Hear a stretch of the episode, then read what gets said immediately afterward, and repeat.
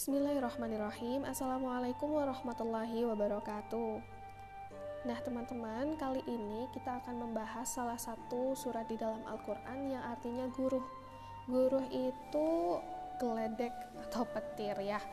Bagaimana sih teman-teman perasaannya kalau mendengarkan itu mendengarkan nggak sengaja tiba-tiba mau hujan mendung ada guruh itu bagaimana? Apakah takut atau kaget? Macam-macam ya tiap orang.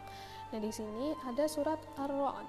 Ar-ra'd ini artinya guruh terdiri atas 43 ayat termasuk golongan surat-surat madaniyah Surat ini dinamakan Ar-Ra'd yang artinya guru karena dalam ayat 13 Allah berfirman yang artinya dan guru itu bertasbih sambil memujinya, menunjukkan sifat kesucian dan kesempurnaan Allah Subhanahu wa taala dan lagi sesuai dengan sifat Al-Qur'an yang mengandung ancaman dan harapan. Maka demikian pula lah halnya bunyi guru itu menimbulkan kecemasan dan harapan kepada manusia.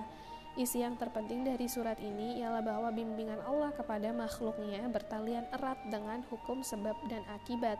Bagi Allah Subhanahu wa taala tidak ada pilih kasih dalam menetapkan hukuman. Balasan atau hukuman adalah akibat dari ketaatan atau keingkaran terhadap hukum Allah. Surat Ar-Rah lebih banyak menitik beratkan pada pembuktian kebenaran keesaan Allah, kepastian akan terjadinya hari berbangkit.